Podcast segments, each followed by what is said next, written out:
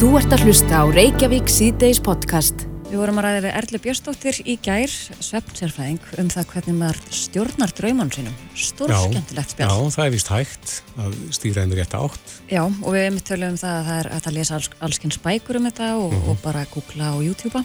En svo rákust við á uh, námskeið, drauma námskeið hjá Endurmentun Háskóla Íslands. Já, og það er sér að Arna Ír Sigurðardóttir, prestur í Grá og styrki sem heldur þetta námskeið og hún er komið til okkar. Vertu velkomin. Takk. Hvað ætlar að taka fyrir á þessu námstíði? Uh, ég tala almennt um drauma og, og svona hvernig, hvers eðlist draumar eru og eins og svona kenningar um drauma og hugmyndir um drauma mm -hmm. og uh, síðan fjalla ég um draumatákn og svona hvað draumar geta þýtt og hvernig við getum tólka drauma. Hvað eru draumatákn? Já, hvað eru draumatákn? Það er í rauninni uh, tungumál draumana, ef svo má segja, vegna þess að draumar byrtast í raunin alltaf sem ein, svona á táknrænanhátt og allt sem að gerist í draumi er í rauninni á einhvern hátt táknrænt og við þurfum að hafa svolítið þekkingu á þessum táknum til þess að geta tólkað. Getur nefnt okkur dæmi um tákn?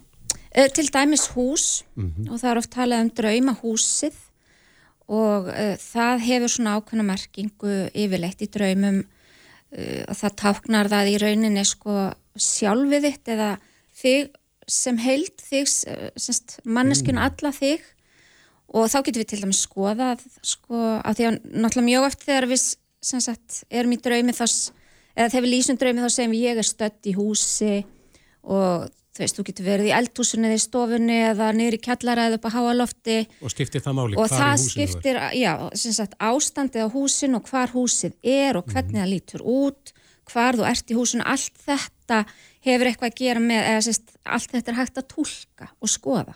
Til dæmis, ertu stödd í húsi sem er við fjölfarnar umfærðagötu eða er húsið kannski á bakvið háan ramgerðan vegg Vist, er allir glukka lokaður eða er allt opið, mm -hmm. er húsið hrörlegt, er það niðuníslu eða er það, þú veist, stórglæsileg höll, allt þetta hefur eitthvað með þig og, og, og þína svona undumöðutund að gera. Og þú ert prestur, hvernig fórstu í, í svefnbransan? Já, draumabransan skulum við segja, Já, ég er náttúrulega, mm. er aðalega að vinna með drauma og Það bæði ég sjálf þegar ég hef gengið í gegnum svona umbróta tíma í mínu lífi þá hef ég upplifað bara mjög stert að mér dreymir ósala mikið og það var eiginlega þannig sem þetta byrjaði. Ég var bara í svona uh, viðtölum á ákveðnum erfileika tíma í lífinu mínu og fór að tala um það við minn þerapist að mér dreymdi svo mikið og hún alveg bara greip það á lofti. Þannig ég fór að nota draumana mína og skoða draumana mína og hvernig þeir byrtust mér og fór að vinna með það og fór að skoða eða spekla sjálfa mig í draumunum. Og síðan af því að ég vinn sem prestur þá náttúrulega fæ ég mjög mikið til mín af fólki sem er að ganga í gegnum umbrótatíma í sínu lífi. Fólk er að missa ástvinni, fólk er að skilja, það er að missa vinnuna eða hætta að vinna. Um, já, flytja bara hvað sem er og þá fór ég að heyra þetta svo mjög oft. Hérna, veist að mér dreymi svo rosalega mikið akkurat núna. Þannig ég fór bara að skoða þetta og fór að hvetja fólk til að segja með draumana sína og fór svona að þreyfa mig bara svolítið áfram með hérna draumatúlkun. Er það þessi kallar draumaráðningar? Nei, ég nefnilega vil gera greina mun á draumaráðningum og draumatúlkun. Mm -hmm. Því að sko draumaráðninga byggja á þessari gömlu hugmyndafræði sem er ekkert sér íslensk að, að, drau, að draumar séu á einhvern hátt svona fyrirbóðar mm -hmm. um og þið dreymi um óordna hlutu og þið dreymi í rauninni fyrir alls konar hlutum. Og það er það sem ég kalla draumaráningar mm -hmm. draumatúlkun er miklu frekar það þegar þú túlkar draumana uh, eða speklar þig og þitt sálarlíf í draumunum Þess vegna til dæmis kalla ég þetta námskeið draumar speil sálarinnar. Mm -hmm. Hvað, hvað getur maður grætt á því að, að kunna að, að tólka draumana sína eftir þinni aðferð? Maður getur grætt í rauninu bara ákveðna sjálfsþekkingu. Já, læra á sjálfan sig. Já, læra á mhm. sjálfan sig og svona tilfinninga úrvinnslu og já, það, það getur verið mjög skemmtilegt að, að hérna, skoða sjálfan sig út frá sínum draumum. Mm.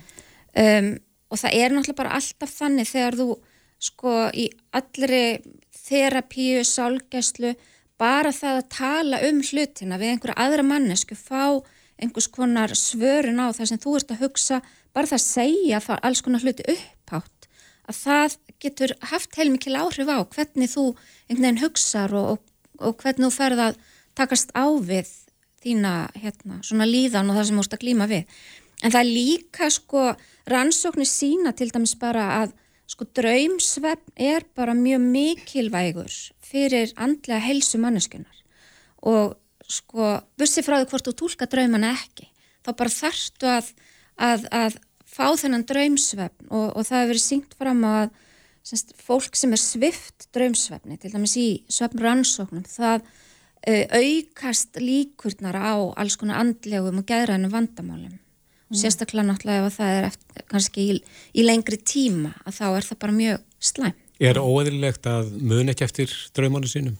Nei, það er mjög eðlilegt um, og það er alveg kemur alveg til mér fólk og á þessum námskeim sem ég haldi þá er alltaf einhver einni að tveir sem segja að mig dreymir aldrei neitt mm -hmm. en það, er, það virkar ekki þannig það dreymir allar manneskjur en uh, það er bara mjög misjant hversu vel við munum drauman okkar Og er þetta að þjálfa sig í því að muna þá?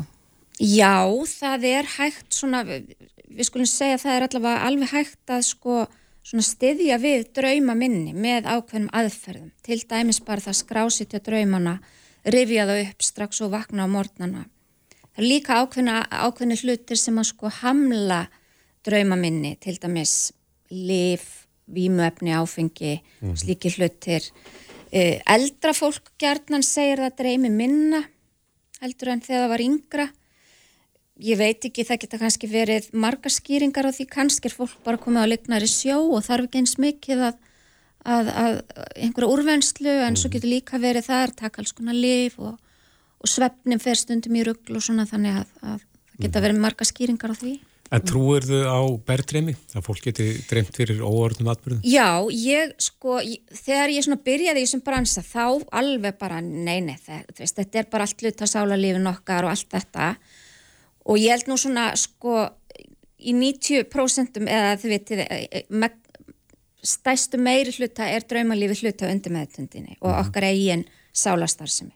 En það er alveg til svona þannig frásagnir að það eiginlega bara getur, að við getum ekki útilokað að það sé til einhvers konar berðdreimi og að við höfum á einhvern hátt einhverja insýn inn í hluti sem er ekki ennþá ordnir og ég, ég fer svolítið í það á, á námskeiðin og ég tengi það svolítið við sko kenningar Karls Gustafs Jung um hérna vitundina og hvernig hún sko er ekki bara semst, vitund manneskunar heldur svona kollektív mm -hmm. undir meðtun. Er það djúpsálarfræði? Það er þessi djúpsálarfræði eða dölsálarfræði sem er líka kolluð. Já. Þannig að ég er að byggja svolítið á þeim kenningum. En, en um leið, sko, þar tengis nefnilega sko líka bara mínar hugmyndir um Guð og hvernig Guð einhvern veginn byrtist og hvernig við upplifum Guð um, sem sagt, já, sem kannski hlut hefur sér samvitund og, og, og öllu því. Trúið þú að það sé hægt að komast í samband við Guði gegna drauma? Ég, ég trúi allavega því að Guð hafi samband við okkur í gegnum drauma. Mm -hmm. Já. Mm -hmm.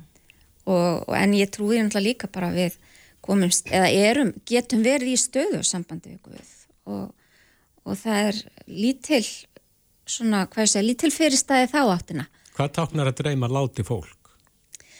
Sko það, og þarna náttúrulega komum við að því að hvern einasta draum þurfum við að tólka út frá manneskinu sem dreymir draum. Mm -hmm.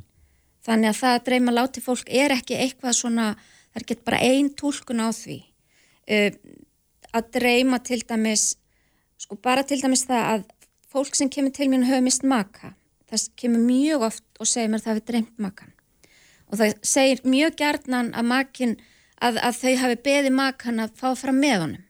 Og makin segir, nei það er ekki komið tími til þess ennþá og svona mín eh, tólkun á þessum draumum er gerðnan þetta þetta er hluti af sorg, sorgar úrvinnslu og hluti af úrvinnslu þinni um, ekki endilega það að hinn látni sé að byrtast þér sem slíkur. Um, síðan auðvitað að dreyma dáið fólk. Ég menna að dreymir þið hrú af líkuminn í einhverju herbergi veist, það er öðruvísi draumur heldur en að dreyma ömmuðina sem dó fyrir 50 árum eða eða eitthvað slíkt. Þannig að það þarf alltaf að tólka draumin út frá dreymandan. Mm -hmm. Þetta er aðteglivert. En þú ert með námskeið? Já, ég er með námskeið í endumöndun HÍ mánudaginn 13. november mm -hmm. og ég er búin að halda þessi námskeið núna í nokkur skipti og þau hafa verið bara vel sótt. Hvað er þetta að skrá sig? Á endumöndun, bara endumöndun .is mm -hmm. það er hægt að skrá sig Já, hvetjum bara fólk til að kynna sér það Já. þetta er ótrúlega áhugavert og e, e, þykistum vita að margir hann úti er að fara að kanna þetta uh, sér að Arna Ír Sigurðardóttir prestur í Grafóskirkju, takk kærlega fyrir komuna og spjallið. Takk fyrir að bjóða mér Þú ert að hlusta á Reykjavík C-Days podcast Jæja, Reykjavík C-Days heldur áfram við ræðum á stöku sinnum um málefni fanga mm. í Reykjavík C-Days Já, það er nú ekkit langt síðan við rættum um verkvallið sem var á Littlarhönni mm -hmm. þar sem fangar eh, mættu ekki í vinn og ekki í nám til að vekja aðteglið til dæmis á því hvað það fá lítið pening til að lifa á Já. og svo líka bara aðstöðinni mm -hmm.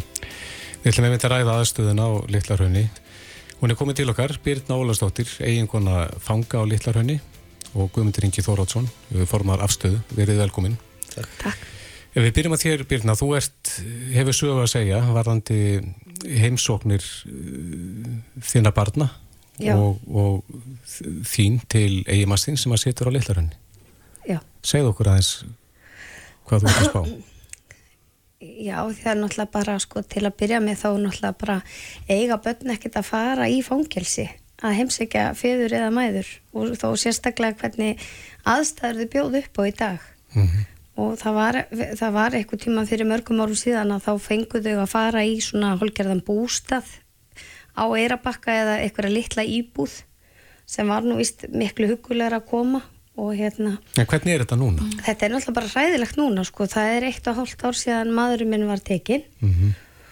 og þá hérna kom ég strax inn á það og fór strax að hvart yfir aðbúnaðanum það er hérna lítill gámur hann er, hann er á floti er, hann er allt rennandi blöytt það er fúkafíla inn í gámnum, inn í gámnum. Mm -hmm. og hérna ef þú og bara um daginn þá hérna var komin svona hóla ofan í gólfið og ég stegi í sokkunum og þeir blotnuðu og þeir löguðu það með því að setja hérna litla spýtu og teppi yfir. Mm, er þetta heimsóknar rýmið? Þetta er heimsóknar rýmið. Og, bara almennt? Já, og gámurinn er bara pínu lítill og þú eiginlega þarfst að fara út til að bara skipta um skoðun, sko. Mm. Er þetta bráðbyrða? Þetta er búið að vera aðstæðan. hjá þeim til fjöld ára. Þetta er bara aðstæðan. Hversu oft fáið þið að fara í heimsókn? Við fáum að fara hérna einu sinni viku en, en ég fer einu sinni einn og svo tek ég alltaf börnin einu sinni. Mm. Og hvernig lýsa þau þessu og upplefa þetta? Ég, hérna, þau lýsa þessu ekki vel. Þeim, hérna, þeim finnst nú skemmtilega að koma á barnakott af því að það er meiri svona frjálsræði. Þar, þar geta þau fara út í garda leika og... Hvað er barnakott? Það er á litla hrunni. Mm -hmm. Og svo, er, svo kom hérna, og ég vil nú þakka hérna, Jóni Gunnarsinni fyrir það, það voru settar á tíu tíma heimsóknir. Mm, fyrir að þetta dónsmálar á þeirra? Já. Mm -hmm og hérna hann setti tíu tíma heimsóknir á og sem maður þarf að hitta þá fangan sem sagt á holmseiði mm. og það, það er rosalega þungt fyrir börn að mæta þangað og ég hef eiginlega bara ekki trist mér í marga mánuði að fara þangað út af því að börnunum líður svo illa. Hver er munurinn á holmseiði og Þar þurfa börnin að fara í gegnum öryggisleitt mm. Þar eru bara oft óhæfir fangaverðir sem taka á móti börnunum. Og Hvernig óhæfir? Bara, bara kunni ekki að umgangast börn. Bara hérna, bara ónargetnir og ég hef sendt mörg, mörg bref til þeirra varðandi það og hérna. Þá er vantilega verið að tryggja það að það sé ekki verið að fara með efni eða slíkt? Já, en sko það væri samt, það er samt svo kjánalegt mm -hmm. út af því að þegar fangin fer aftur inn til sín þá er hann allur strippaður og það er kíkt upp í rassin á honum og hann þarf að láta kíkja undir pungin þannig að það ætti alveg að duga bara að leita honum. Mm. Upplifa börni þetta sem svona ekkið álæg á sig? Já, sko, sko álægið er náttúrulega, sko, ég hef spurt þau og ég spurðu til dæmis um daginn og ég get sínt ykkur það, ég á vítjóði, ég spurði þeim hvað þeim finnist um gardin og húnsiði. Mm. Þá sögðu þau bara hvaða gard. Þetta er bara pínu lítill kassi, stiftur, örgla fjara metra hár, sólinn skín aldreiðana þó það til dæmis í sumar þegar maður kom þá kom sólinn aldrei inn í garðin það er pínulítil róla þau geta ekki leikið í fótboltaðar og þau geta bara ekkert. Hvað er þau gömul? yngstu börnin okkar, við eigum átta talsins Mm og yngstu börnin okkar eru 7, 8 og 10 ára og, og 14 Já. Og þessi 14 ára er bara hættur að vilja koma honum líður ekki vel að koma En þú hefur verið í samstöftum við fangilsmáli yfirvöld og, og bent þeim á svona þessar aðstæður eða skort á aðstæðinu það ekki? Jú, Og hver hafa viðbröðin verið? já, það er bara alltaf að sé ekki til nóg, mikil peningur Mm að þeir séu bara í fjárskorti Hvernig myndið þú vilja hafa þetta? Svona sem notandi þjónustunar? Ég, ég myndi vilja hafa það þannig að ef, ef fangi er hæfur til að hitta börnin sín og börnin vilja og, og, hérna, og börnin vilja hitta fjöður sína og þeir hafi staðið sér gagvart börnunum þá hérna myndi ég náttúrulega bara vilja að þeir fengju dagsleifi og kæmu heim í þeirra aðstæður. Hvernig hefur beðið um þetta? Já, þetta er náttúrulega hægt eftir einhvern next tíma sem þeir eru búin að sitja inni. Þá fá þeir fjölskyldulif. En eins og í mannsinsmýstilfelli, þá fekk hann svo langan dóm að hann á ekki rétt á þessu fyrir eftir fimm ár. Já. Það þarf eiginlega að breyta því. Já, sem er mjög langur tími í lífi bars til dæmis. Já, og svo náttúrulega það sem er, það sem ég held að, og ég bent umbósmanni barna og spurtu hvort þú séu að brjóta á börnum, fangin fær ekki að mæti ammæli þeirra og öll ammæli, allar ammælsveslur í áru voru bara mjög erfiðar og hérna og þau, þau fá ekki að hafa hann á jólunum mm. og þannig að það, og svo er maður bara einhvern veginn, það er bara fjölskyldan að, að afplána. Mm. Guðmundur Ingi Þorvaldsson, formar aðstöðu. Þetta er saga vantilega sem að þú heyrir oft. Já, já, þetta sko, við höfum heyrt þessar sögur í gegnum tíðina og, og unnið í þessum sömu málum í áratugi. Mhm. Eh, Þetta eru atrið sem við höfum verið að setja út, a, út á strax frá stopnun, afstöðu og, og, og á- áður en það var. Aðstæða sem sagt barna og fjölskyldna í heimsóknum er ekki til fyrirmyndar, hefur ekki verið mjög lengi og Uh, en samt sem áður var barnakot á sínu tíma algjör bylting og var óbúslega flott á þeim tíma þó að þetta sé svona lítill gámur þá voru það fangar sem að byggu hann til og, og innréttuð og, og Þeir voru hafðið með í ráðum í, í Já, því. voru með í að bæði að hanna og, og, og útbúa Mhm. og hérna innrétta og það var fyrirvændi fórstöðumæður Lillarhans Margrét Frímansdóttir sem að kom þessu á uh, en síðan eru liðin mörg ár og þetta hefur farið svona versnandi og það hefur ekki verið hugsað um þetta kannski eins uh, og þyrti en uh, nú er orðið rúmta ár síðan að umbósmaður barna gaf út skýslu og held hérna, málþing um stöðu á málum barna í fangilsum og, og í raun kannski hefur lítið gerst síðan þá. Uh, hins vegar eru þetta alltaf verið eitthvað að vinna í þessum málum og við eigum stöðu að fundi um þessi mál við fangilsmálstofnun og, og dómsmannarlandið og höfum átt á undanförnu nokkra fundi og, og þó að við sjáum kannski ekki mikla breytingu þá vitum við samt að það er verið að fjalla um þetta og er verið að ræða máli þetta gerist bara ekki á þeim hraða sem við hefðum kosið um, Nú tala Birna um að hún hefði fengið að heyra ótt að bara vegna fjárskorts er ekki að gera neitt. Hvað teljið þið að þurfum mikið fyrir til að bara gera þetta svona ásættanlegt? Já, sko, það, það sem að er að gerast núna er að, að bara núna þessa dagana þá var verið að taka í nótkun sex einingar heimsókn, í heimsóknar aðstöðu á litlarfinni nýja sem að eru reyndar í gámum en er að með skilstu nokkuð svona flott, ég var einmitt að spyrja Birna hvernig heimsóknar aðstöðan var að því ég hef ekki séð það sjálfur. Og hérna Uh, og síðan eru komnar fjóra reyningar frá framkvæmdarsýslunni sem á að vera uh, sérstaklega fyrir fjölskyldur og börn uh, sem á að setja á samastað og badnakot er í dag. Og það sérst á að fjalla badnakot og setja þessar fjóra reyningar í staðin og það er bara einn maður sem sér um það hjá framkvæmdarsýslunni núna að koma þessu eins rætt og hægt er. Uh, þannig að það leið og það gerist og þá kannski sem á að vera bara núna næstu vikum þannig að þá eru við konum með fjögur pláss staðin fyrir eitt sem að er betra og að börnin þurfa aldrei að fara í gegnum fangilsis sjálft eins og Birna var að tala um áðan að það getur verið mjög svona um, ákveði áfall fyrir börn að fara í gegnum öryggisleit og, og, og hérna enginskleita uh, verði mm -hmm.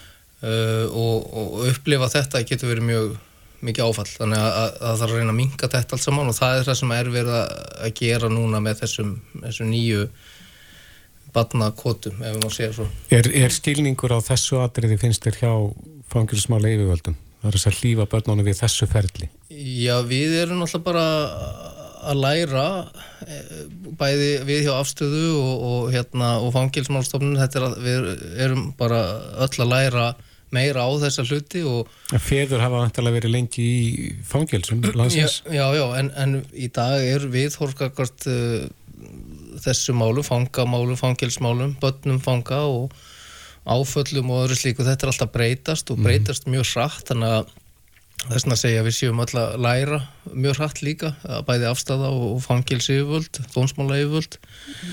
og við erum svona að reyna bara uh, að fylgja, í takt og það er að koma út skýrslur reglulega núna frá hinnum og þessum eftirlitsaðilum mm. við vorum með skýrslu frá umbúsmanni Batna sem að fjallaði sérstaklega um þetta og svo er að koma núna skýsla opkatt eftirlisins frá umbúrsmanni Alþingis sem að fjalla sérstaklega um Littlarhaun og, og þá vantilega heimsóknar aðstöðuna þar. Og hún er að koma út núna á næstunni og svo eigum við vona á skýslu frá Ríkisendurskoðun varandi fangilsismál líka.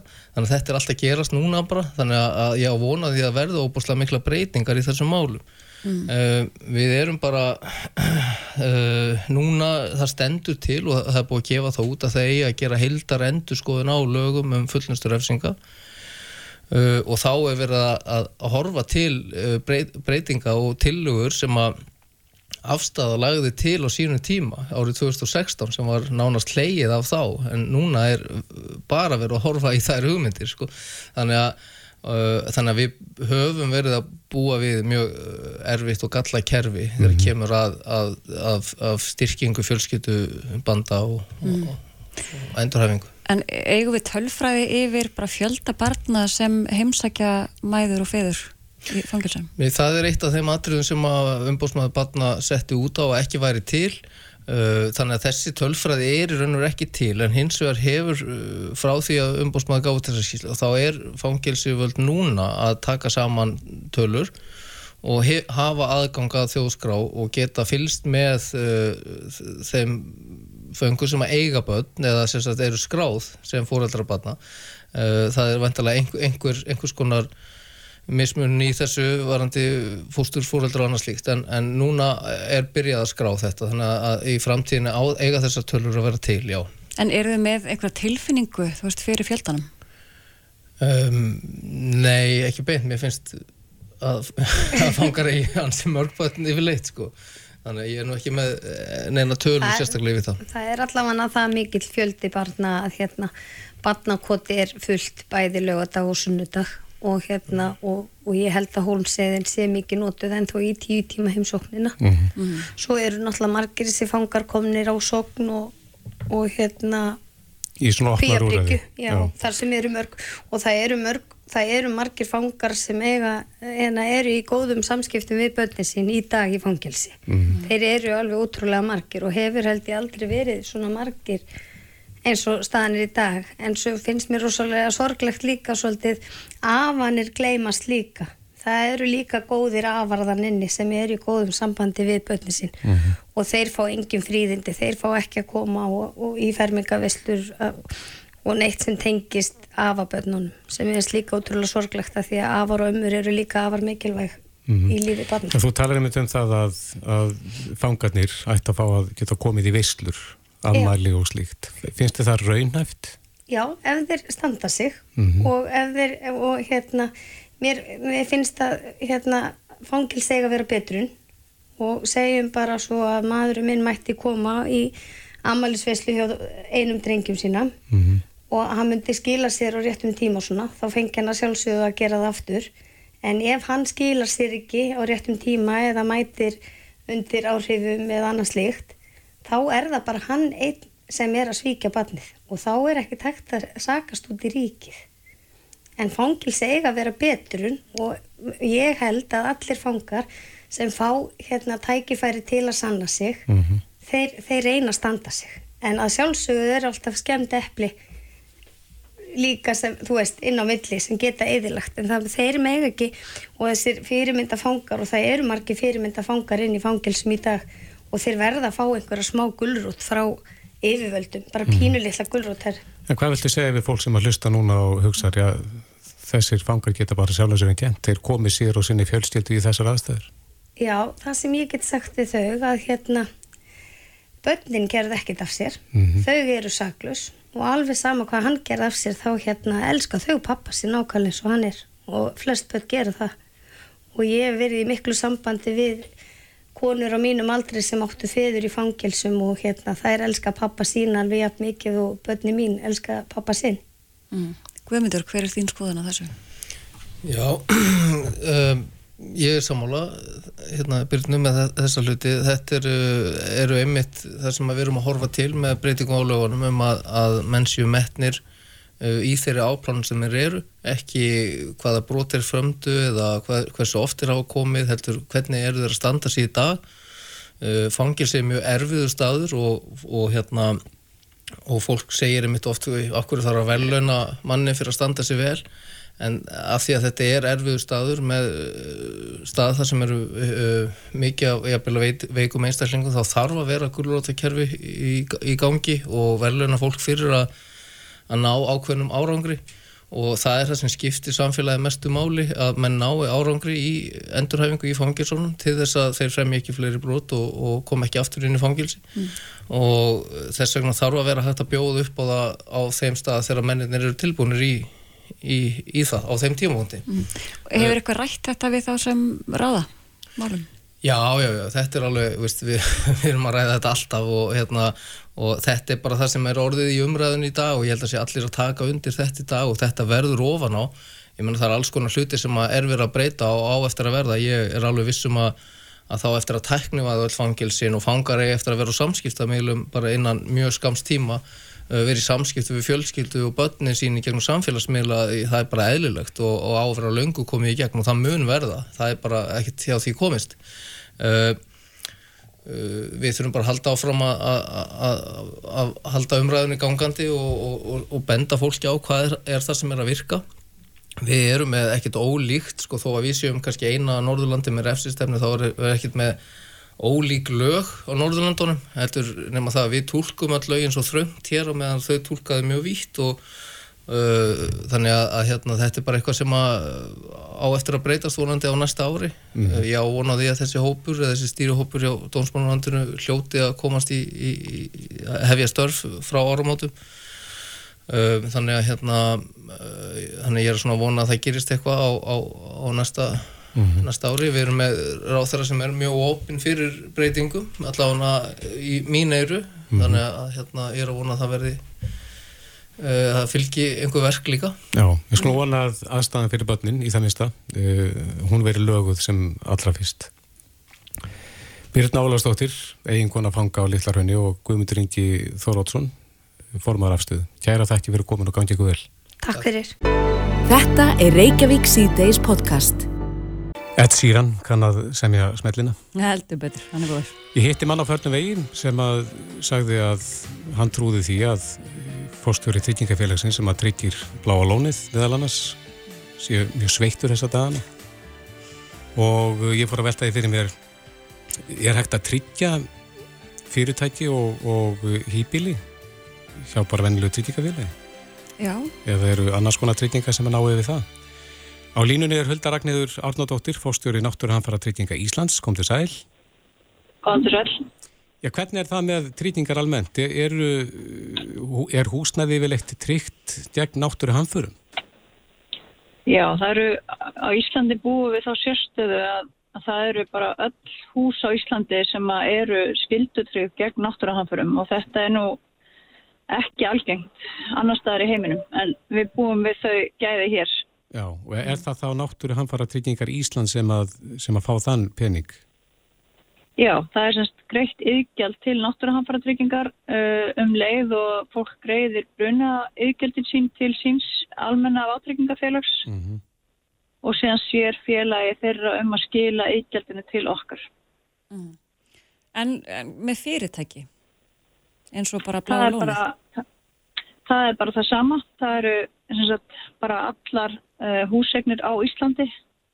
Það eru skildu brunatriðar og skildu náttúruhambratriðar. Alveg sama hver, hver, hvert eignarhaldi á þeim er. Mm -hmm. Er eitthvað sérstök svona viðbara sáallin í gangi hjá, hjá þín, þinni stofnun vegna þess ástand sem nú er á Reykjanesi? Já, við erum bara með almenna ná, sem að við tökum fram þegar að eru svona EU-ofandi einhverjir atbyrðir eða líkur á því að, að einhverjir atbyrðir geti átt í stað mm -hmm. Sem að snýst fyrst og fremst um það að við séum í stakk búin til að taka á móti þeim tilkynningum og, og fá matsmenn til að meta þau tjón sem að sem að kunna að verða. Og síðan vissulega þurfum við líka að að tryggja það að við höfum þá peninga til reyðu sem að þarf til að greiða tjón af, af þessari starðagráðu þannig að ég held að við séum bara ágilla í sveitsett varandi það. Já, en hvað flokkast undir náttúru hamfarir? Vantarlega eldgós? Já, eldgós, járskjáltar, snjóflóð, skriðböll og, og heimsast bæði snjóflóð og, og öskriður mm -hmm. og síðan vassflóð. En hvað með snjóstorm og mikið fannferki? Nei, almennt ekki, það er ekki vegna svona veður tengdra atbyrða. Hvorki vegna róks eða, eða mikils fannferkis en það er hvort ekki atbyrðu sem er hægt að átryggja sig fyrir hjá almenni félagunum og það er svona kannski gullna reglan í, reglan í, í sagt, þeim lögum sem að gilda á náttúrunáttúrutryggingu er að stofnun er engangur að sinna tjónum sem að almennt fást ekki vátrið á markaði. Mm. Og þú segir þetta sé einstakt í heiminum, okkar fyrirkomulag? Já, það eru mjög fá land í heiminum. Ég held að hérna, Nýja sjáland sé sannilega hvað líkast okkur í, með sína tryggingar þar sem að allar húsegnir eru tryggðar en þó ekki eins og, eins og Íslandi þá er það að andverið brunabóta mats hverjar eignar þannig að það er mísjaflega mikið verðmætti hérna vátryggt eftir því hversu dýrt húsið er en í Nýjasjálandi það er bara er það tryggt fyrir ákveðna upphæð alveg óháð því hversu dýrt húsið er mm -hmm. Uh, og ég veit ekki um neitt annað dæmi heiminum þar sem að, að öll hús í landinu eru vátrygg fyrir uh, raunvirði eða brunabóta mati eignarinnar. Hefur verið greitt áður úr þessum sjóði vegna eldgósa? Já, það er endar yfirlegt koma eldgósin ekki illa niður á hérna, tryggingunum vegna þess að, að það þarf mjög mikið að verða af eldgósi í nærri byggð til þess að það verði eitthvað svona verulegt tjón af því. Mm -hmm. það, við sjá, höfum oft séð öskufall sem að veldur ekki raunverulegu tjóni yfirleitt heldur er það oftast eitthvað sem hægt er að þrýfa af egnum og veldur þar að leiðandi ekki sko svona veraldlegu tjóni ef við getum sagt það. Nei, en hreinsunastarfi, er, er það borgað þá úr sjónum? Uh, nei, það er ekki miða við það að það sem að fólk getur þrýfi sjálft í burtu sé, sé sagt, tjón á egninni. Það er hort á bara beint tjón á fastegninni sem er greitt. Þannig að það þarf í rauninni allt er mikið til. Það þarf að vera annarkort mjög mikið öskufall sem er það farið að geta sliga þög mm. eða hraunrensli sem að, að fer á eignina. Þannig að það er ekki aldingt að eldgós hafi raun áhrif á eða hraunrensli renni á byggð eða mannvirki? Nei, það hefur raunin ekki verið bara síðan í vestmannhegagósinu sem að við höfum séð eitthvað að ráða því sko. Mm.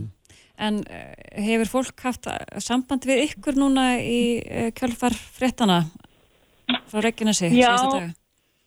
Já, já, það er alltaf eitthvað um það að fólk hefur samband og fær upplýsingar um það hvernig það getur uh, verið örugt um að allt sé tryggt sem það getur haft tryggt mm -hmm. og okkar ráð til fólks eru fyrst og fremst það að huga að því hvort að brunabótamat eignarinnar endur speklir önverulegt verðmæti hennar og það getur þurft að óska eftir endumati hjá eh, húsnæðis og mannvirkjastofnum til þess að tryggja að það sé rétt gert og, og við höfum alveg bent fólki á að ef að það þarf að býða eftir endumati að þá er hægt að kaupa viðbóta brunatryggingu hjá sínu félagi til þess að, að það sé örugt um að brunabótamat endur spekli raunverulegt endurstofnverð eignarinnar. Hvar fyrir fólk fram á þetta endur mat? Það er hjá húsnæðis og mannverkastofnun. Sem sagt í rauninni óskar það eftir því að byggingafulltrúi mm -hmm. taki út eignina og hann skilur síðan inn til húsnæðis og mannverkastofnunar upplýsingum.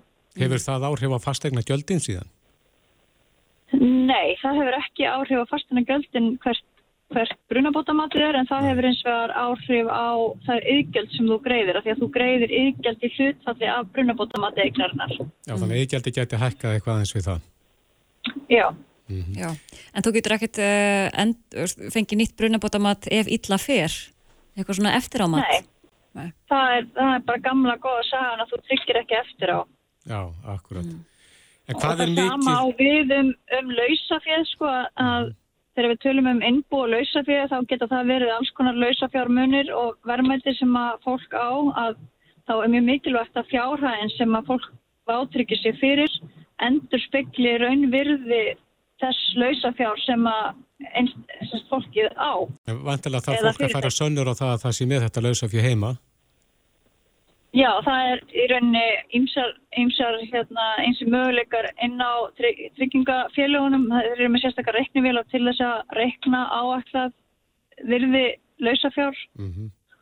og það er of algengt í tjónsatbyrðum hjá okkur að fólk situr uppi með það að hafa glemt að uppfæra uh, lausafjár verðmæti sitt eftir, eftir því að hann kannski kaupir tryggingu þegar hann byrjar að búa og, og þá kannski er aðlilegt að sé tiltölulega látt og síðan kemst fólki betri vinnu og kaupir alltaf meira og meira lausafjö og, og aldrei hækkar tryggingin og það hefur áhrif þegar kemur á því að fólk kannski missi allt sitt innbú í tjóni. Mm -hmm. En þú finnur það á tímum sem þessum að fólk fer að spá meira í þessa hluti? Já, alveg augljóslega og það er oft erfitt að ná eirum fólks varðandi tjóna, eða varðandi tryggingamál ef að en það eru engin tjón yfirvofandi mm -hmm. en þetta eru akkurat augnablikin sem að fólk raunverulega leggur við hlustir og skoða svolítið sín tryggingamál þannig að það er mjög mikilvægt að, að ná einmitt til fólks á þessum augnablikum þegar það hefur ennþá tækifæri til þess að fara yfir sín mál. Einmitt. Hvað er mikið til í sjónum hjá náttúruhanfæra tryggingum? Hvað er hann gildur þessi uh, sjóður? Sjóðurinn samastendir rauninni af EIFJ og síðan erum við með endurtryggingar sem að, við endurtryggjum stóru áfællin okkar erlendis mm -hmm. og svona allt í allt erum við í stakk búin til að standa skil á svona hátt í 100 miljardum í tjón. Og að því er EIFJ vantarlega þá yðgjöldin? Það verður til úr yðgjöldum og, og Við höfum sem betur fyrir ekki orðið fyrir einu verulegu tjóni síðan 2008 Nei. þegar Suðurland skjálfin var. Þannig að við eigum eitthvað í kringu 57 miljardar í sjóðum í dag. Já, og svo end, eh, restin er þá endur tryggingar. Já. Vantilega þá erlendis. Já. Akkurat. Þetta er áhugavert og við tökum undir með þér að fólk skoði þessi mál og þá kannski sérstaklega þeir sem að telja sig vera á hættu svæði. Já, helst myndum við nú vilja bara allir skoða þetta vegna þess að það kemur okkur á óvart þegar við förum að, að skoða dreifingu tjónsatburða um landið mm -hmm. að þá eru nú ekki mörg svæð á landinu sem eru algjörlega sagt, utan hérna, þess að geta lend í tjónum það er bara ólík tjón eftir, eftir landsvæðum. Viða eru eru svona einstök hús að lenda í snjóflóðum og sjáarflóðum og öskriðum og jarskjöldum og alls konar hérna, mismunandi, atbyrðum mm. og ég held að, að það sé langt best að hugsa þetta þannig að, að það á ekki bara að hugsa um tryggingarnar þegar tjón er yfirvofandi heldur þurfum við bara að hugsa þetta til lengri tíma að vera með tryggingarnar í læja því að það er ekkert verða heldur en að standa framifyrir fjölskyldum þar sem að, að eignirnar eru vantreyðar þegar á reynir. Mm -hmm. Já, hugsaum um, um þetta líka þegar allt leikur í lindi. Það er ágættisverðla. Ég held það. Já. Já, vonum að hlustendur hafi spert eirun þannig. Hulda Ragnur Arnardóttir, fórstjóri Náttúru Hamfara Trygginga Íslands. Takk hérlega fyrir spjallið. Takk fyrir, sumulegis. Þetta er Reykjavík C-Days podcast. Við vorum að ræða e, Náttúru Hamfarir. Já, við ætlum að halda okkur á, á Reykjanes skaga en mm -hmm. þar skjálfur jörð ennþá. Já. Og uh, já, við erum með góðan mann á línunni. Einar Bessi Gjesson, náttúruvarsjárfræðingur á Viðstofu Íslands er á línu, kom til sæl. Komið sæl. Já, nýjustu fréttir, svona til að taka púlsinn á stöðunni. Mm -hmm. uh, skjáltavirknin heldur í rauninni bara áfram. Við höfum fengið svona um 600 skjálta frá miðnætti í dag og sá stæsti var 3,7 um klukkan 1 í nótt en það hafa nú aðalega verið smærri skjáltar í dag undir tveimur að stærð. Mm -hmm. Hafið þið verið að fá ykkur nýjar upplýsingar, ykkur ný gögn svona til þess að sjá stöðuna betur? Uh, sko, við höfum verið að fylgjast með náið með síðustu daga GPS-gögnum sem gefa okkur uh, vísbendingar um, um aflögun á svæðinu og, og hérna það var á föstdægin síðasta og lögadagin sem við byrjuðum að sjá þarna landris norðvestan við Þorbjörn. En mm síðan í gerðkvöldi fengum við gerfitunglagögn sem að spanna eins lengra tímabil og, og gefa heldarmyndi yfir síðustu daga. Og þá sína þau að það hefur orðið svona 5-6 cm aflögun á þessu svæði norðvestan við Þorbjörn sem að Er það mikið? Þá, það er, er tölverst, já. Þetta er svona aðeins hraðar en fyrri innskott sem við hefum verið að sjá þarna. Mm. Hvað segir það okkur?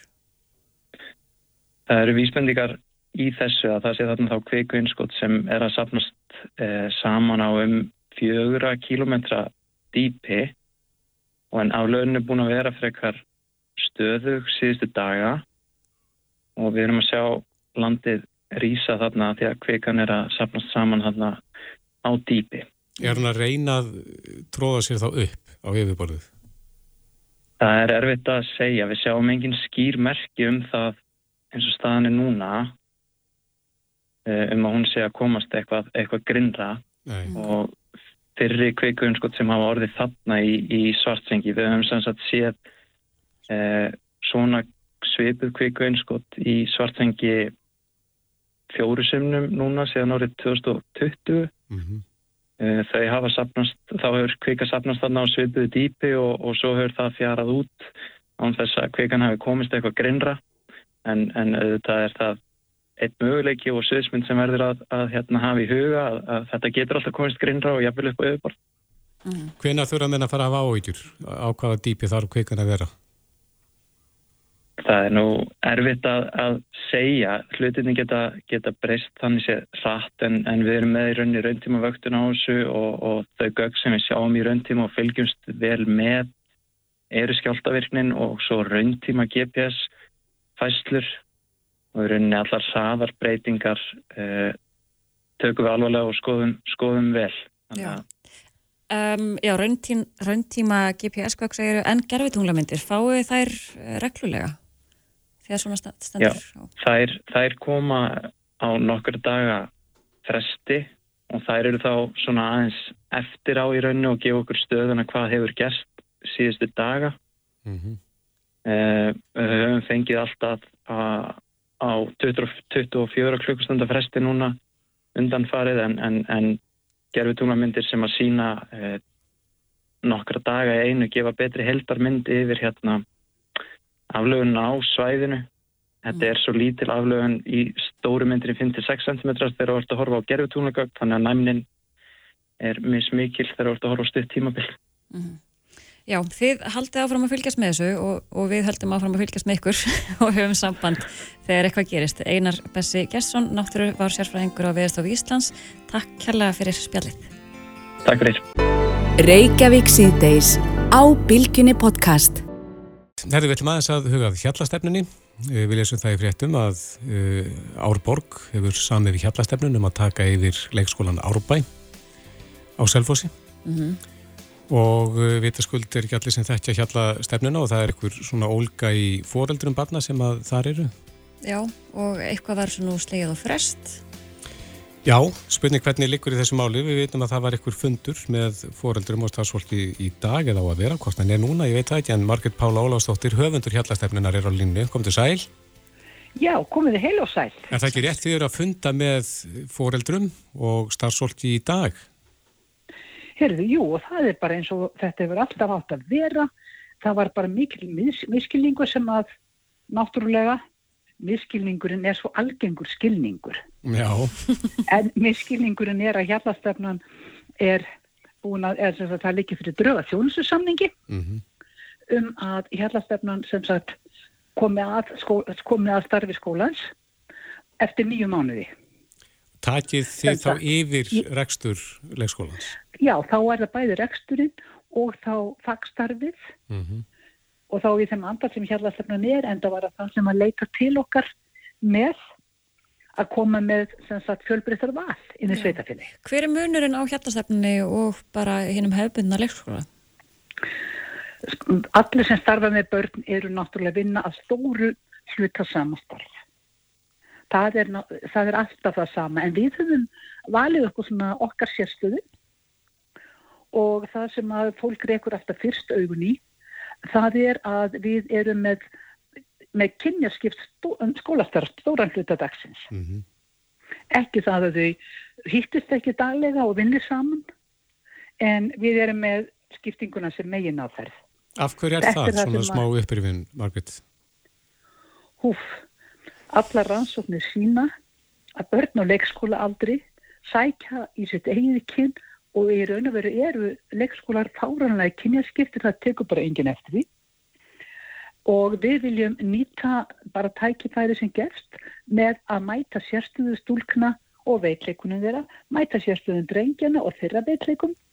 Með öðrum orðum, við erum með, leggjum höfuð áherslu á að veita báðum kynjum og öllum börnum sama uh, sömur einslum, mm -hmm. að þau geti eftir allt og ekkert sé einokað af öðru kyninu. Allir geti eftir því öllu og þar meðal æfaðu sig að lokum í, í samvinnunni. Mm. en ég held að margir kannist við það að drengir er að byrsta sig öðruvísi, tala öðruvísi og leika sér öðruvísi og nálgast verkefni sín oft öðruvísi að meiri hluta heldur en stúlkunar drengir eru meira sjálfstæðis miðaðir og einstaklingsmiðaðir á meðan að, á meðan að stúlkunnar eru félagssinnaðri og færaði í félagshæðun. Mm. Ég held að þetta sé stutt og ég get haft það. Hvað finnst ykkur? Já. Eh, hver, hver er ávinningurinn? Það er að segja, sjáu þið áþreifanlegan ávinninga fyrir að hafa þetta svona? Frá fyrsta degi. Hvernig til byrtist hann? Byrtist í því að, að þessi svona hefðbundna, kyn, kynbundna hegðun sem kemur oft, sem kemur fram hvernig sem, já, við lítum oft framhjáðan eins og við sjáum þetta ekki en kynbundin hegðun og hversu ólíkt að tala og hversu ólíkt áhuga sviðið þeirra er og þetta er bara rannsóknir mm -hmm. en við sjáum að þetta gjör breytist þegar drengindir eru einir þá einhvern veginn er ekkert strákalegt og stelpulegt Sjá foreldra mun á bötunum sínum eftir, eftir daginn? Það er mér sagt Já. Það er mér sagt og ég veit það líka, ég er, ég er bæðið náttúrulega móður og amma og ég er líka langdamma elskunna mínar. Nei, til að mikið með það. Þannig ég sé, ég sé munin. En það er fleira sem við gerum, við erum með allbörn í skólaföttum af því að við leggjum upp úr, upp úr samvinnu og samkend, vera -hmm. saman í liðinu, ekki samkeppni og, og dýrfött sem að... Uh, Já, sem að bara henda ekki bönnu sem er í, alltaf í aksjónu í lífandi starfi og annars blíkt Þannig að það er allir eins? Við erum líka, en, já, en það að allir séu eins, að þá er það bara seinlega eins og að horfa á, á KR leika. Það er mjög gott að sjá hverju eru KR liðinu, en maður greinir það nú allar í sundur. Mm. Mm. Hvað eru hérna stefnu leikskólatni margir í dag? Uh, já, 14 og svo þrýri grunnskólar. Já. Og en við erum náttúrulega búin að byggja þessu upp alveg frá árinu 1989 mm. og best er að vera þar sem er val fyrir foreldra því að ég trúi því börn eru ólík og fjölskyldur og foreldrar eru ólík og svo erum við með mikinn einfaldleika, við erum með skapandi leikefni, við erum ekki með hefnandi leikföngur sjálf sér hjá okkur og, og við erum með meira, meira útistarf og það er, svona, það er bara margt sem að er, er öðruvísi. Þetta hættar sumum ljómandi mm -hmm. og svo eru bara aðri sem að kjósa annað. Ég segi nú alltaf við fóreldur og fjölskyldur. Það er að fara inn í skólan, skimja hvað er í gangi og vita er þetta einmitt það sem ég vil fyrir barnið mitt. Margrit Pála, það er hérna spurning frá hlustanda. Já. Þú, þetta gengur út á kynjastiftinguna og þannig eru að tala um drengja og stúrkur hins vegar. Já, eitt hlutur af mjög mörgum. Ég nefndi hann fyrst akkurat. af því hann veku mest aðtekli. En það sem að hlustandin er að spá í það er sko með stálp. Við erum að tala um konur, Já. karl og kvár og svo er að drengi stúrkur Já. og stálp. Hva, hvað hva með stálp? Þetta er frábær aðtúasend á leikskólastíginu þá eru börn ekki farin að ráða við þennan breyða kvarða mm -hmm. sem að kynseginleikin náttúrulega er að lýsa. Það er að segja alveg þessi breyði kvarði um hugmyndur um að vera af tilteknu kyni, hann er bara ekki komin. Þau hafi ekki þá tegund hugsunar. Börn á leikskóla aldrei. Mm -hmm. Og það sem þau geta fundið fyrir, það getur alveg verið stúlka sem er ekki að finna sig í, í að vera stúlka. En þá vil verða drengur mm -hmm. og omvend og þetta er fróðun sem hefst bara hjá fara mánada gömlu barni. Þegar þetta er fyrsta breytan sem er nota í lífinu það er bara kynferði á hlutina. Og það er svo og það er svo, það er svo merkilegt að þau eru tveggjára gömul. Þá eru þau búin að móta algjörlega hugmyndina um það hvað er strákur, hvað er stelpa og hvernig þau hafa að hafa sér og hvaða áhuga þau hafa og allt. Mm -hmm og ef þau passa kynnið þá vilja þau bara vera hitt kynnið. Hvað með barn, barn sem að vil vera hitt kynnið? Hvar lendir það í hjallastefninu? Því er einfallega bóðuð að velja. Já. Hvort það vilja vera á stúlnakjarna eða drengjakjarna. Mhm. Mm -hmm. mm. En þá er það að segja ykkur eina, eina stuttasög, hún er mjög stutt. Ég mandur einu tilvíkja sem að fóreldrar, það er áhyggjur af þessu, mm -hmm. þar sem að við vorum að koma inn og og ég benti þeim bara á þetta að barni myndi velja, við erum með sko, fötunur eins fyrir alla verkefnin sömu, við erum ekki með kynja leikföng eða kynjaða skreitingar og ég segi bara barni prófa sitt hvort daginn. Og eftir tvo daga fekk ég uppringingu frá hlæjandi fúrendri sem sagði hann, af því barni vildi vera hann mm hann er bara, þetta, þetta er alveg einstum að það er aðeins meiri hávæði hjá strákunum hann ég ætla að vera stúlkakjörn Já, akkurat. Og svo bara gekk þetta alveg stúlkastlega og engin stúlka spurði af hverju Margret Pála, ein spurning í lokin að því að við erum að falla á tíma. Það er Já. hérna önnur spurning frá hlustanda sem að spyr um uh, grunnskóla hjallastefnuna, er það eitthvað í bíkir er það til fyrir við þá sem eru hrifnir á stefnun og vilja halda áfram? Já, þar höfum við ekki geta mætt eins mörgum og vilja. Við erum með þrjá uh, grunnskóla, þeir ná upp í, einn er upp í nýjára og tveir þar upp í tólvára og þar höfum við ekki undan því að svara og, og við þurfum að neyta endalösum beðinu. Mm. Er eitthvað stefnskónu að opna fyrir? Nei, það er í raun og veru, það er bara þannig að ef að, ef að, ef að, ef að ef að foreldrar eru að leita til okkar, ef að sveitafélag vil tala við okkur og annars slikt, þá komum við til leiks og skoðum en við erum aldrei að, að hafa frumkvæði að því að, að koma inn í, í sveitafélag.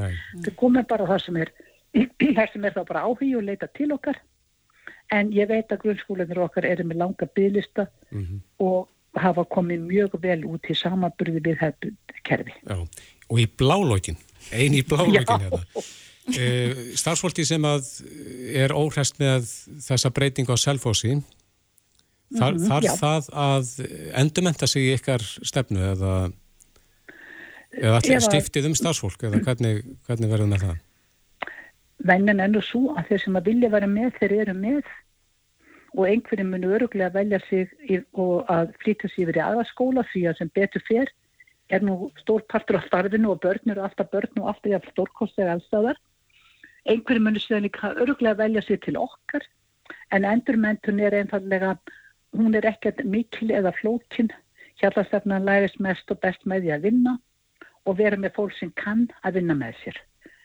En ég veit að bæði fórildrar og starfsfólk mun hafa forgang í og stuðning sveitafélagsins til að færa sig þar sem að þeirra barni eða bara mér sjálfri sem kennara uh, hendar best að vera. Já, það er gott að heyra og gott að heyra í þér, Margret Pála Ólafsdóttir, höfundur Hjallastefnars. Takk hérlega fyrir spjallið og gangið vel.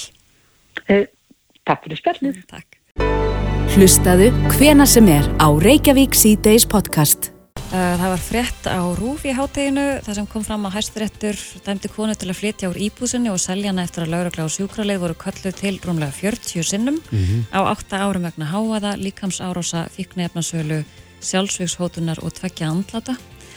Átt ára saga. 8 ára saga og og mjög erfið saga. uh, við fórum að velta fyrir okkur í uh, kjölfar þessara fregna hvað þarf til og þetta hlýtur að vera bara svona loka úrræði. Já, hvað líka mörkin? Mm átt ár, fjögur ár, tvö ár, er þetta að segja til um það? Já, hvað þarf að ganga á?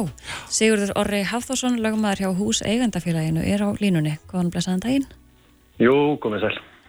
Er, er, er svarið þessari spurningu? Já, Það er ekki neitt svona innlýtt svar við þessu nei, því miður. Það er svona að það fara að ve vega á meta þetta í hvert skipti, hversu mikið ónaði nær og annars líkt. Þetta er sem sagt, uh, þetta var hérastóms, hérna, þetta var hérastómsmál, þetta var hérastómur sem úrskurða þetta en ekki hæstiréttur eins og fram í kynningunni. Já. nei, ok. Verður þessu áfríðað heldur þú? Um, mér finnst það ólíklegt en ég, svo sem ég hef ekki hugmynd um það en, en mér finnst það ólíklegt ég er bara meða við ónæði sem var þarna og tekið fram í dóminum þetta voru einhver ég held að þetta veri 40 tilkynningar til lögreglu. Uh, gríðalegt ónæði af uh, þessum íbúðar eiganda það var sofandi fólk í, hérna stegagangi það var hérna einhverjar vísbendingur um að þarna færi fram fíknirna sala um, þannig að það er töluvert sem þarna kom til og um, í því tilviki þá, þá þarf maður að skoða sko hagsmunina um, þessa eiganda því að eiga íbúðina og fá að, fá að hafa hann og hagnýta hann í friði versus hagsmuni allra annara eigenda húsins að fá að vera já, hvað maður að segja, njóta bara friðal gegna þetta engalífs á, á hérna sínu heimili. Já, en er það bara dómarans að meta eða hvernig fer svona mat fram?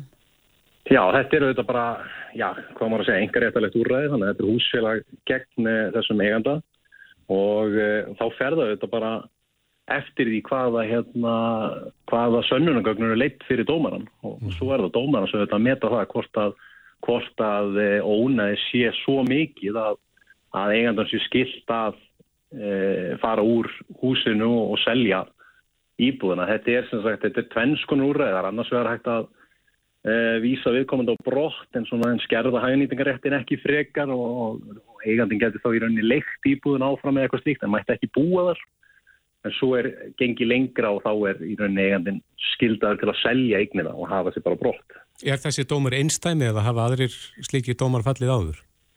Já, já, það er töluvert eh, um það og, og hérna, það var nú síðast bara fyrir hálf ári, það var í apríl núna 2003 þá, þá var svipamál en, en þó sem sagt aðeins öðruvísi hérna í þessu máli þá var þetta mjög mikið ónæði af uh, mikið á nóttunni og, og fíknarnarsal og annað slíkt en, en í málunum hann í apríl þá var það einstaklingur sem bjó ekki íbúin en hafði safnað miklu rusl í hana En það segir líka að, sem sagt, á 5050 grein fjölugnúsalagana sem þarna á við að hún tekur á í rauninni alls konar ónæði og, og helst er það ófjáragslegt en, en tekur í raun til alls eh, ónæði sem eigendur geta valdið.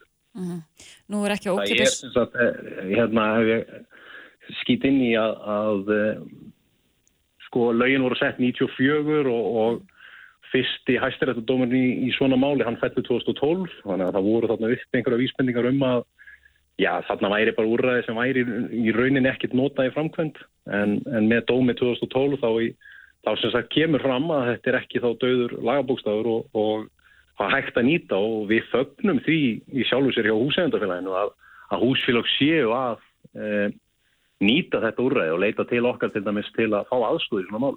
Mm -hmm. Og einmitt, það er ekki ókipis að fara fyrir domstóla. Uh, eru það húsfélagin sjálf sem þurfa standa kost, uh, bara greiða sérstaklega lögfræðikostnað og, og þýmlikt? Um, já, það er auðvitað þannig að, að í svona málum þá er það yfirleitt sá sem vinnur málið að, að mestu eða öllu leiti að hann fær greitan málskostnaður hendi þess sem tapar málinu og, eh, og það var til dæmis í þessu málu þá minnum ég að málskostnaður hafi verið dæmdur 1,2 miljónir eh, sem þýðir þá væntanlega að húsfélagið er að mestu ég myndi, myndi ég halda skadalust eh, nú þegar dómur hefur gengið. Já. En óvissan er þá framað Það leggja út fyrir þessu. Mm -hmm. En svona miða við niðurstöðuna þarna þá er bara verið að færa vandamáli til. Eitthvað þar þessi mannestja búa. Má ekki búast því að leikurinn haldi áfram bara eitthvað annar staðar það getur auðvitað vel verið og, og þarna er auðvitað gríðarlega mikilvægt að, að félagslegu úrræðin eh, grípi svona einstaklinga. Það er alveg óbúslega mikilvægt en því miður þá er það bara ekki oft svo leiðis. Heldur finnur þessi einstaklingu sér aðra íbúð eða mögulega þá leir eða kaupir og, og, og sama sagan getur þá haldið áfram þar en, en eins og ég segi það væri óbúslega gott ef, ef yfirvöld myndu grípa fast inn í svona mál. Það vantar alveg í dag. Já, því miður. Þetta er eins og ég sagði, þetta eru þetta svona engaréttarlega úrræði að mestu leiti og, og já, ríkið að sveita, sveitafjölu geta kannski ekki sint einhvers konar frumkvæði skildum öll svona mál, sko. Mm. En, en það er spurning hvernig batteri það ætti að vera það sem húsfélag getur kvarta til ofinbæra aðila og, og fengið einhver aðstóð en, en, en það er því miður ekki svoleiðis í, í svona málum. Nei að þessi saga þyrti að fylgja þá á næsta stað. Það er að segja að það þyrti að vera eitthvað eftirlit með því að viðkomandi tæti ekki upp þráðina nýju á öðrunum stað. Já, já, það þyrti að vera eitthvað svoleiðis. Já, mm. en við getum verið samála um það að góðir nákvæmlega eru gulli betri. Það kemur kannski best í ljós þegar að svona stendur á. Heldur betur, voru ekki að tala um hjallastefnum það er rétt á þann og það væri nóskandi að allir getur verið bara vinnir eins og, eins og þar. Já, Já Nákvæmlega. Sigurður Orri Hafþórsson, lögmaður hjá Húsændafélaginu. Kæra þakki fyrir spjallin. Bestu þakki samanleis. Reykjavík síðdeis á Bilginni podcast. Uh, við hefum aðeins verið að ræða hrekkjavökunna mm -hmm. og ég hef bara aldrei séðan eða stóra á í ár. Nei, hún tók undir það Vestlunarstjóri partibúðurinnar í gerð sem að sagði að uh, hrekkjavakan er orðin stærri en öskudagur. Já, og ótrúlega margir, ég fór út að lappa með hundi minn í gær mm -hmm. á Kastusnin Kópái ótrúlega margir sem er búin að skreita húsin sín að utan og innan mm -hmm. uh, og mikið lagt í þetta Já, en það er hópur fólk sem að stundar það að klæða sér í búninga Já, og ekki bara krakkar Nei, er þetta ekki kallað bara eins konar cosplay? Jú, ég held að uh, larp, að larpa er líka mm -hmm. eitthvað sem fólk í búningum gerir Nei, mitt En eh, eflir þetta fólk að klæði sér í búninga? Er, er þetta eitthvað svona, er við slettum, höldum að fann að sleppa, sletta hérna altir eko? Já, maður allavega hefur fundið fyrir því sjálfur að maður fær svona auki sjálfströst í, í góðum búningi. Já. Ragnhildi Þóradóttir, sálfræðingur eða Rakka Nagli, er á línunni, talar beint frá Kaupmannahöfn, kom til sæl. Já, komið sæl, góð kvöldið. Þú ert nú aðeins búin að skoða búningamálinn fyrir okkur. Já, ég skoða þetta, skoða þetta aðeins. Og það er gaman að skoða svona fyrir sálfræðina baki það að fara í, í búning. Mm -hmm. og það er svona að tala um svona sálfræðina baki svona sérstaklega glemt ekki auku búninga er svona þessi trá hjá okkur svona sleppa takmörkunum á okkar eigin svona sjálfsmynd og fara inn í svona, þú veist, einhvern annan, annan karakter. Mm -hmm og það verður svona nafnleysi á bakvið það að fara í búning. Og til dæmis sko ef við tökum svona sálfræðin getur það hjálpa fólki með kvíða til dæmis að fá meira sjálfströst eins og þú talaður um þú veist það verður svona ákveð svona leikur og skemmtun sem fylgir búningnum þannig að við svona sleppum á okkur aðeins hömlunum. Og þeir sem er mitt á í Reykjavík sem geta upplifa okta í svona félagslegum aðstæðum með minni fæðsli í svona, stjórnum aðstæðum. Og svo getur verið þú veist, mjög valdeflandi að klæða sér upp sem einhvers konar ofurhetja og ímynda sér að hafa krafta og upplifa völd og, og margir sem einmitt fari karakter að heimukininu og fara svo eigna sér þá eiginleika, til dæmis karlmenn verða svona viðkvæmir og sína meiri tilfinningar að þeir fara í einhvers konar kvenn búning og, og öðvut sko, konu verða svona örugari með sig og, og sína meiri völd og svona aggressívar eða þeir eru, eru kallkynns svona karakterar. En svo er líka svona í, í sko að, að veist, vera einhver annar í eitt kvöld er svona e, frelsandi. Það svona, veist, skilur eftir ábyrðina heima og öll vandamálinn og stressið og þessi daglegu verkefni að borga reikningana og, og verið vinnunni. Það er svona sem að sjúa frá okkur orkuna. Það rekkjavakan leifur okkur og, og grímuball og öskudagur leifur okkur að vera svona þau sem við viljum vera og það er svona svolítið að leika okkur svona sérstaklega svona sem fullvartir. Þetta er svona eitt af fáum tækifærum sem við höfum til svona leika okkur sem fullvari fólk mm. og eins að koma svona í tengslu svona okkar svona frum eðli þar sem við getum einmitt verið svona góla og garga og báðutöndunum og fýblast og, og við fáum ekki bara tækifæri til þessum í núttíma samfélagi svona að komast hanga, ekki helst að fókbókalegjum og, og tónleikum þar sem við getum svona aðeins sleppt fram á okkur visslinu en það er svona með, með búningin að hann leifir okkur svona svolítið að losum hemlugnar og, og, og það að sko fjela sig á bakvið einhvers konar grímu eða, eða búning gefur okkur ákveði svona nafnleysi og, og leifir okkur aðeins að vera svona meira frjáls. Og það hefur meira þess að vera notað í sálfræðarmeðferðum að fólk sem á erfitt með að tjá tilfinningar að það sem það fer eða fer í búning að þá getur það svona verður það einhvern veginn svona allt er ego eða fer ekkert í eitthvað annað og að sérstaklega að gríma að þá á það auðveldara með að tjá sig. Þannig að, að þetta er, er, er notað. Já, ég ætla að einmitt að spyrja það þessu. Hvernig getur maður nýtt þetta, þetta sjálfströst, eh, auki sjálfströst mm -hmm. þegar maður finnur í búning? Hvernig getur maður nýtt það? Yfirfært það yfir í svona hefð vennulega líf? Já, sko það er náttúrulega hefur verið skoða líka svona áhrif fatnaðar það, það er alveg til, það er alveg til sem fræði, það er, e, það er svona, svona, e, hvað heitir það, enclosed cognition er það kallað og það er til dæmis hefur verið gerða rannsóknir á því að fólk sem að sko fer í lækna sloppa, þetta fer bara í kvítan slopp og annar hópur, hópur fær að vita að þetta sé læknasloppur, hinn hópur fær að vita að þetta sé málarasloppur, en í raun, raun og verið þetta nákvæmlega sami sloppurinn. Síðan eru þeir settir í minnispróf og þeir sem er í læknarsloppu þeim gengur betur í minnistrónu og eftir á eða spurðir akkur fannst þér sérst ganga svona vel? Já mér fannst sloppur en gefa mér svona aukin auknar heilasellur. Við tengjum náttúrulega og þá, þá skiptir máli bæði sko fötinn sjálf og eins hvaða merkingu tengjum við við fötinn mm -hmm. við mhm. tengjum læknarslopp við gáfur. Þú veist, fólk sem klæðist þeim fatnaði er svona, þykir svona vera, vera hærra en við í greindavístölu og, og, og þá svona gefur það okkur svona kraft. Þannig að það sama gildir um einhvers konar búninga. E, það verið skoðað til dæmis litir, svart gefur okkur meira sjálfströst, raust svona framkallar hjá okkur svona meiri dyrsku. Þannig að við getum svona leikið okkur svolítið með liti, fatnað, hverju við klæðumst. Þannig að það er alveg, alveg þekkt sko. Mm -hmm. Mælur með því rakka að, að fólk sem að þjáist af uh, litlu eða liðlugu sjálfströsti eða fimmni að það prófi sjá fram með þetta? Já, sko, til dæmis er annað sem að sé sko að því þú talaður um cosplay að, að það er eins og svona, ég veit ekki hvað íslensk orðið yfir cosplay er svona klæða svo upp í búninga til dæmis eins og gert til dæmis í Ameríku í svona Comic-Con mm -hmm. uh, eða einmitt eins og LARP þú sem er live action roleplay þar sem að fólk er í svona búningum að, að svona í, í svona, já uh, og, og eins bara öskudagur, rekjavaka og, og grímuböll og svo leiðis að þetta er svona ákveðin hópur og að tilheyra hópi er svona eina grunn þörfum mannsins. Þannig að við fáum aukið sjálfströst ekki bara gegnum búningin heldur líka það að vera í hópi og við erum kannski öll eins í sama búning eða aðhyllumst einhvers konar stefnu eins og þú veist Star Trek aðdándur farið því eða Star Wars eða ofurhetjur. Og það er svona, ég tali vera svona ákveðin loftbúði fyrir depurð og kvíða og einmannalega við fáum vel samtíkt og við fáum viðkenningu og stöði í hóknum og styrkjum svona félagslega tengslir það skiptir mjög miklu, miklu máli. Þannig að, að svona að til dæmis er einhver karakter í, í þessum, þessum þáttum eða það sem erum, þegar hann deyra þá höfum við líka þetta félagsniti kringum okkur.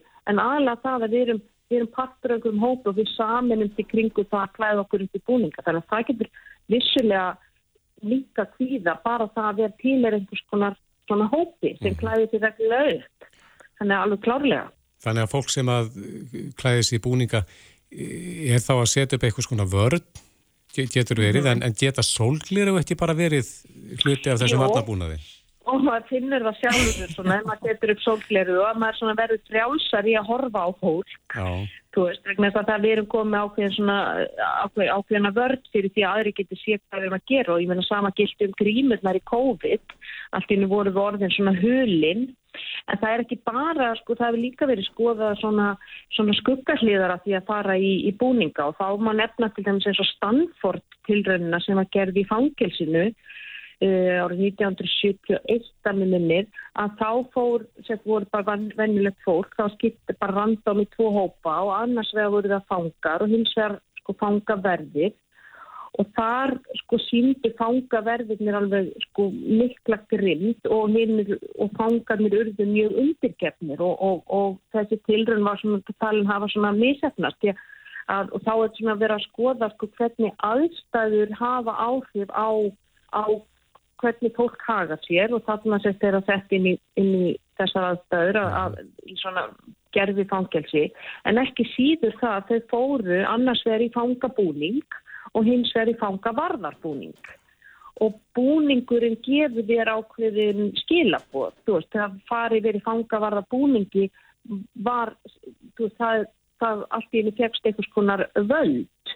Þannig að búningar geta breytt fólki til bæði til góðs og íls Já, og sama sko, það, það var einmitt gerð önnuransókn á einmitt börnum á þekkjaföku, þar sem að þau fengi að fara inn í, inn í hús og anna, það var skál með sælgætti og svo var skál með svona peningum, svona klingi og þau fengi að vera þar bara eininni og, og, og hérna sagt þið verðið að þið megi bara taka eitt nammi á mann og, og ekki smetta peningi og börn sem að sko voru í búningum og aðalega börn sem voru með grímu þau tóku fleiri, meira nammi og þau fóru í peningin og því sko, því fleiri sem voru í hóknum, því meira svindluðu. Þannig að það er líka það að vera í hóp skiptir, skiptir máli. En það að þau voru með hulin andlut og voru í búningum eh, var sérst skoðað. Og þetta er kallað svona de-individuation í, í salfræðimáli og þetta er svona hvernig við breytumst hvernig aðstæði breyta okkur og hvernig við breytum hefðun okkar líka þegar við erum í hóp mm -hmm. og það hefur verið skoðað, skoðað mjög mikið uh, af húnum ímsu fræðimannum. Þannig að þetta er ekki allt bara, bara jákvæmt en, en, en það klárlega, veist, við finnum svona fyrir ákveðin svona leik, sérstaklega svona fullortnir að, að það er svona leikur í þessu og, og við finnum fyrir auknu sjálfströsti og, og, og hérna, getum svona, erum svona partur af einhverju stemningu og einhverjum einhverjum hóp í, í búning svona eitt kvöld á ári allavega. Akkurat. Já, því miður komast við ekki lengra að þessu sinni en ja. ótrúlega skemmtilegt spjall og hérna, einmitt, maður ætti bara kannski að skella sér oftar í búning en bara á sækjavöku skudag. Ég held það, þetta er bara á einu sinni mánuði fyrir okkur. Þetta er inn, innri prakkaran í okkur. Já, en maður þarf greinilega að velja búningin vel, svona með við þennan fróðleg. Já, svona kannski sleppa ég að fara í fangavarabúningin. Akkurat. Ragnhildur Þorðardóttir, sálfræðingur, Ragga Nagli. Takk fyrir þetta bestu kvæðu til köpinn. Takk sem við leiðis, bestu kvæður heim.